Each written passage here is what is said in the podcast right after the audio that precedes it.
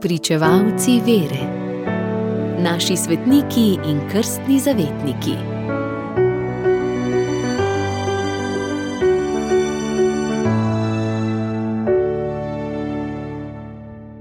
O današnji godovnjakinji Elizabeti Ogrski kneginji veliko pove del iz molitve k sveti Elizabeti.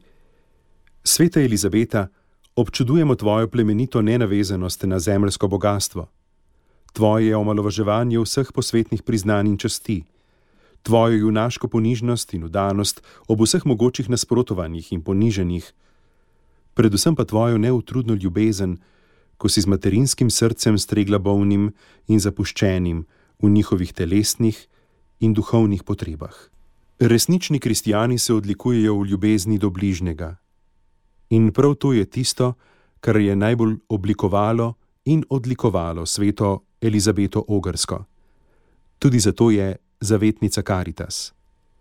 Ta svetnica, ki je umrla zelo mlada, je stregla ubogim in bolnim, ker si je vzela k srcu, kar je dejal Jezus v svojem govoru o vesolni sodbi: Karkoli ste storili enemu izmed teh mojih najmanjših bratov, ste storili meni.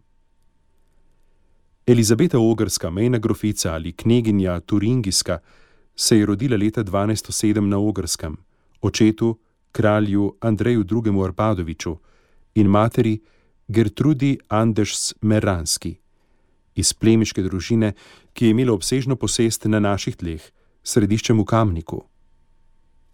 Komaj štiriletno so jo leta 1211 zaročili s turginskim mejnim grofom Ludvikom IV. in odtlej je živela na gradu Wartburg v Turingiji. Poročila se je leta 1221, ko je bilo 14 let. Že naslednje leto je rodila prvega otroka, sina Hermana, dve leti pozneje hčerko Zofijo, tri leta za njo pa še hčerko Gertrudo. Ta se je rodila po očetovi smrti.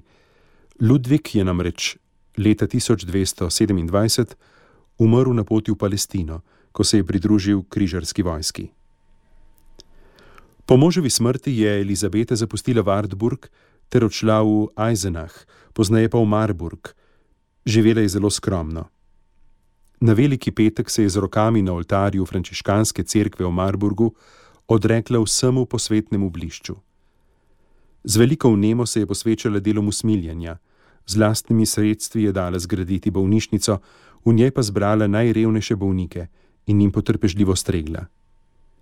Njen spovednik, Konrad iz Marburga, ki je napisal njen življenjepis, jo slavi kot tolažnico ubogih in okrepčevalko lačnih. Med drugim piše: Kljub njenim številnim delom usmiljenja, Bog mi je priča, sem redko videl ženo, ki bi bolj gojila molitveno življenje. Nekateri redovniki so često videli, kako ji je čudovito žarev obraz, ko je prišla na skrivnem molit.